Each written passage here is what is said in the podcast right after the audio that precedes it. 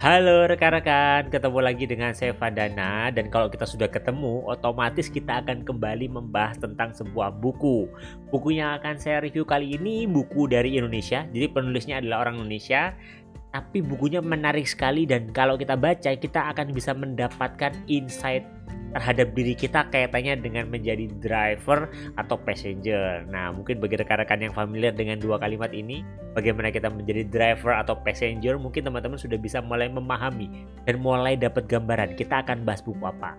Ya, kita akan bahas buku yang berjudul Self Driving yang memang di sini diberikan gambaran bahwa ini adalah buku yang mengarahkan kita untuk menjadi driver kah atau kita menjadi passenger. Nah, buku ini ditulis oleh Profesor Renat Kasali yang merupakan dosen dari Fakultas Ekonomi Universitas Indonesia.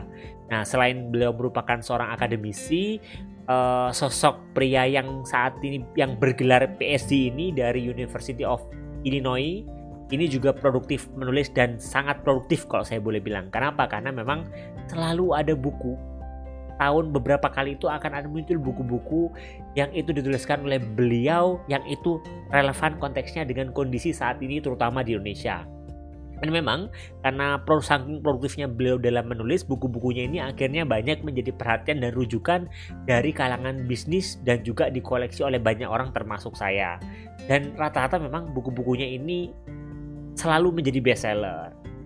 Nah, pada 4 Juli tahun 2009 Renat Kasali dinobatkan menjadi guru besar ilmu manajemen di Universitas Indonesia. Jadi buku ini menarik sekali karena buku ini ditulis oleh akademisi, tapi kalau teman-teman coba untuk simak dan cermati dalam buku ini tidak terkesan buku yang berat atau literatur teks yang berat karena beliau menceritakannya, menuliskan setiap story dalam buku ini dengan sangat menarik dan bahasa-bahasa yang sederhana serta dekat dengan keseharian kita.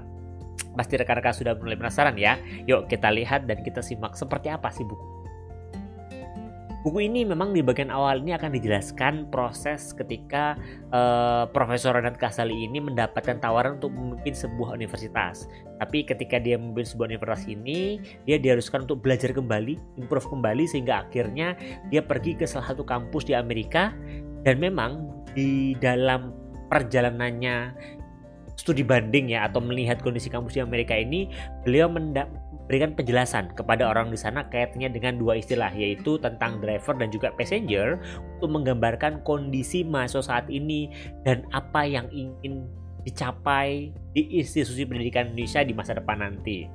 Ya, memang di sini sudah mulai digambarkan fenomena di Indonesia kaitannya dengan driver dan passenger ini. Mungkin rekan-rekan di sini makin penasaran seperti apa fenomenanya. Nah, memang kalau kita sering kali bilang atau kita sering kali mendapatkan gambaran bahwa kalau dalam berbicara dunia bisnis, dunia usaha itu erat kaitannya dengan dibutuhkan orang-orang yang itu memiliki inisiatif tinggi, cekatan, sigap, tangkas dan lainnya. Nah memang dunia usaha itu secara nggak langsung menghendaki manusia-manusia yang disebutnya berkarakter driver yang nggak cuma berkompetensi tapi juga gesit cekatan dalam membaca situasi, melihat situasi dan merespon sebuah situasi. Namun dalam kenyataannya kehidupan sehari-hari kondisi yang ideal tadi itu di mana banyak orang eh, orang-orang di industri itu adalah orang-orang yang driver ditemui saat ini justru banyak pembentukan karakter manusia itu yang berkarakter passenger atau manusia yang ya hanya sebagai penumpang istilah passenger ini kan penumpang ya yang sekedar ya udah ngikut aja lah kehidupan mau ke mana dia ngikut dan dia tidak merasa punya kendali terhadap dirinya sendiri hingga akhirnya dia cenderung tidak membuat inisiatif tindakan-tindakan yang dibutuhkan dan dia sebatas merespon saja apa yang perlu dia respon tanpa dia bisa mengambil kendali lebih luas. Padahal memang e, faktanya adalah banyak sekali orang-orang yang masih memiliki mentalitas passenger ini yang merasa tidak punya kendali dan cenderung merasa bahwa ya dirinya sangat dipengaruhi oleh kehidupan sehari-hari. Nah, memang masih di buku ini juga diberikan gambaran bahwa memang dibutuhkan effort dan kerja keras yang lebih untuk merubah dari passenger menjadi driver ini karena ini kaitannya dengan mentalitas. Karena kalau kita tahu sendiri merubah mental orang, bagaimana kita men-switch atau menggeser mental orang dari awalnya passenger driver dari malas beli rajin ini itu sering kali menjadi hal yang seru dan tantangan yang perlu untuk kita hadapi. Dan itu tidak mudah seperti itu secara umum gambaran isi buku ini ada banyak sebenarnya banyak bab-bab dan pembahasan yang mungkin teman-teman perlu simak tapi kalau kita ambil garis besar kaitannya dengan bagaimana kita men-switch orang dari passenger menjadi driver ini ada empat hal yang menurut saya pribadi itu penting yang itu menjadi intisari dari buku ini yaitu yang pertama adalah tentang mandataris kehidupan. Ini di bab 1, di bagian 1. Lalu juga ada tentang disiplin diri. Nah, orang yang memiliki mental driver itu adalah orang-orang yang memiliki disiplin diri yang tinggi di dalam keseharian maupun dalam pekerjaan dia. Nah, yang ketiga, salah satu juga ciri khas orang-orang yang bermental driver ini adalah dia berani mengambil resiko. Ya tentunya karena dia mengambil inisiatif ke depan, dia menghadapi ketidakpastian, maka resiko akan selalu ada. Nah, yang terakhir di bagian keempat, ada juga ada poin keempat yang juga penting menurut saya adalah bagaimana orang-orang yang memiliki mental driver ini growth mindset. Nah, penjelasan masing-masing pembahasan ini akan saya jelaskan di bagian selanjutnya. Yang pertama adalah kaitannya dengan mandataris kehidupan. Ini jadi topik bahasan yang dibahas di bagian awal dan memang sangat penting dan menjadi fondasi dari banyak orang untuk menjadi driver. Di bagian ini, Profesor Kasali menjelaskan bahwa memang sebenarnya kita semua adalah pemegang mandat atas kehidupan. Kita dikarunia kehidupan, kita diberikan kehidupan agar sebenarnya kita bisa melewatinya, bisa menjalaninya dan mengaruninya sendiri. Sebenarnya, namun karena mungkin pada saat kita kecil ya, ya wajar anak kecil kan kita belum bisa mengambil inisiatif, bahkan belum tahu apa yang baik buat diri sendiri. Maka mandat itu diberikan kepada orang tua dengan harapan orang tua itu bisa mengarahkan anak-anaknya hingga suatu saatnya nanti mereka siap mengambil mandat kehidupannya sendiri. Nah, memang seharusnya gitu ya, setelah dewasa, setelah orang itu bisa berpikir untuk dirinya sendiri, harusnya surat mandat itu dikembalikan sehingga memegangnya ini bisa kembali mengambil keputusan terhadap kehidupan yang akan dijalaninya sendiri.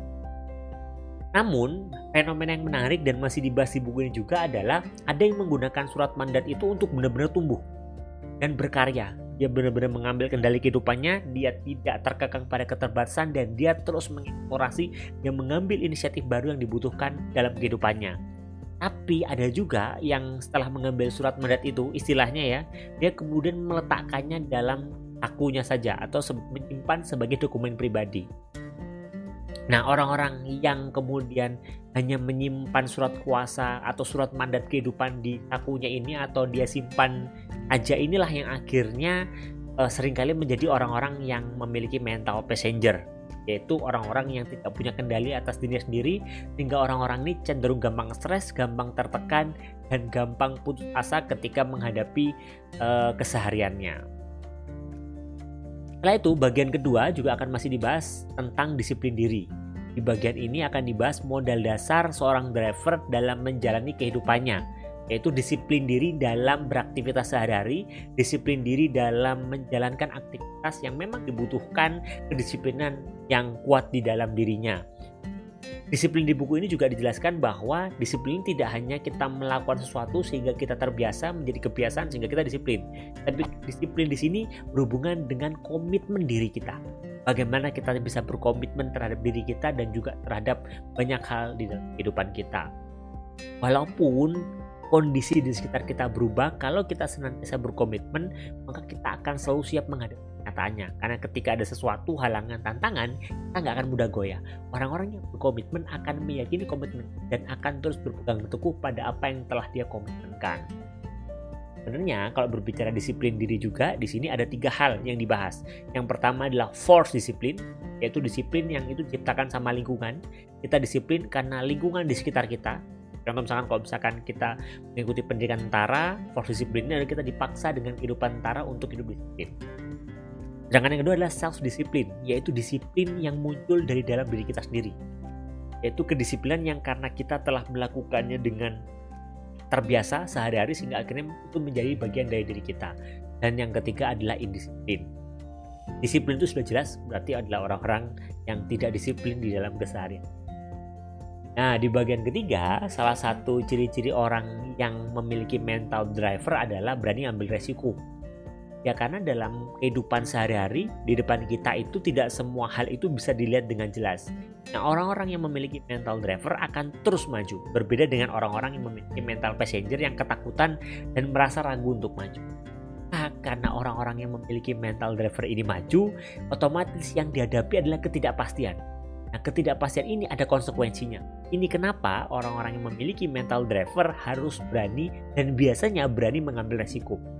Yang penting maju sambil dia mulai menyesuaikan diri dan dia mulai bersiap terhadap resiko tersebut. Kalaupun ternyata resikonya ada, ya dia mulai mempersiapkan diri. Gitu rekan-rekan. Karena memang ya kita nggak mungkin hidup dan menjalani kehidupan kita tanpa ada resiko. Kalaupun mungkin kita pernah bertemu dengan orang yang belum pernah melakukan kesalahan, bisa jadi karena memang sejak awal dia belum melakukan apa-apa. Yang keempat dan yang terakhir dibahas kaitannya dengan growth mindset yang juga menjadi syarat ada syarat bagi orang-orang yang memiliki mental driver. Book the growth mindset ini diambil dari istilah yang dituliskan oleh Carol Dweck yaitu kaitannya dengan buku mindset. Nah, uh, Carol Dweck ini menemukan bahwa orang-orang atau anak-anak yang selalu mendapatkan kemudahan dalam kehidupan, di dalam keseharian, dalam sekolah ataupun dalam pendidikan ataupun dalam kehidupan sehari-harinya akan memiliki tendensi mempunyai uh, fixed mindset dalam dirinya.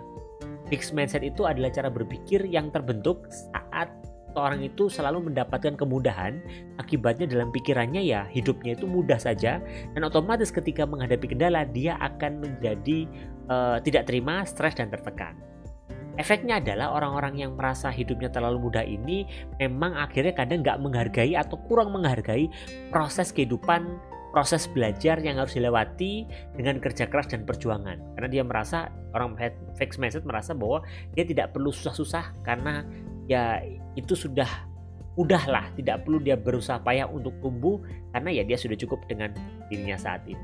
Nah, masih di bukunya juga di bagian keempat ini eh, dibahas kaitannya dengan ternyata banyak para para penemu-penemu besar kelas dunia ini yang memiliki IQ tinggi ya justru tidak berprestasi. Tapi para penemu-penemu yang akhirnya sukses di dalam karirnya menemukan sesuatu itu adalah orang-orang yang justru tidak memiliki IQ tinggi tapi yang mereka miliki adalah dedikasi kesungguhan, ketangguhan, inisiatif, dan konsistensi dalam melakukan sesuatu yang mereka sukai dan yakin itu. Jadi memang uh, untuk bisa menjadi orang yang memiliki mental self driver salah satunya adalah growth mindset. Lalu bersiap untuk terus belajar lalu bersiap untuk terus tumbuh dan yakin bahwa halangan tantangan kesulitan itu adalah bagian yang akan menjadi pembelajaran dalam kehidupannya. Oke rekan-rekan saat ini sampailah kita di bagian kesimpulan. Kesimpulannya, secara umum buku self driving ini pas untuk dibaca oleh siapa pun rekan-rekan yang ingin merasakan pertumbuhan dalam diri, baik kaitannya dengan menik merasakan kualitas kehidupan kita yang meningkat maupun juga karir kita yang meningkat. Di sini kita akan belajar kembali kaitannya dengan bagaimana sih yang awalnya kita sekarang itu punya mental seperti apa? Apakah kita mental kita passenger atau mental kita driver? Masih dalam buku ini juga nanti akan banyak perenungan-perenungan yang dilakukan untuk membuat kita itu mulai merenungkan terhadap kondisi kita saat ini. Apakah mindset kita sudah driver atau masih passenger? Buku ini juga pas bagi rekan-rekan yang ingin mendapatkan inspirasi singkat ya tentang bagaimana sih menjadi lebih baik dan senantiasa sukses di dalam keseharian maupun di berbagai bidang kehidupan kita. Karena lagi-lagi banyak penemu-penemu sukses, orang-orang sukses itu bukan orang-orang yang memiliki mindset passenger tapi memiliki mindset atau mental driver. Nah, harapannya rekan-rekan melalui buku ini rekan-rekan bisa mendapatkan insight dan inspirasi dalam merumuskan langkah yang perlu dilakukan untuk membuat diri kita memiliki mental driver. Mungkin itu rekan-rekan untuk review buku kali ini. Moga-moga bermanfaat dan sampai ketemu di review buku selanjutnya.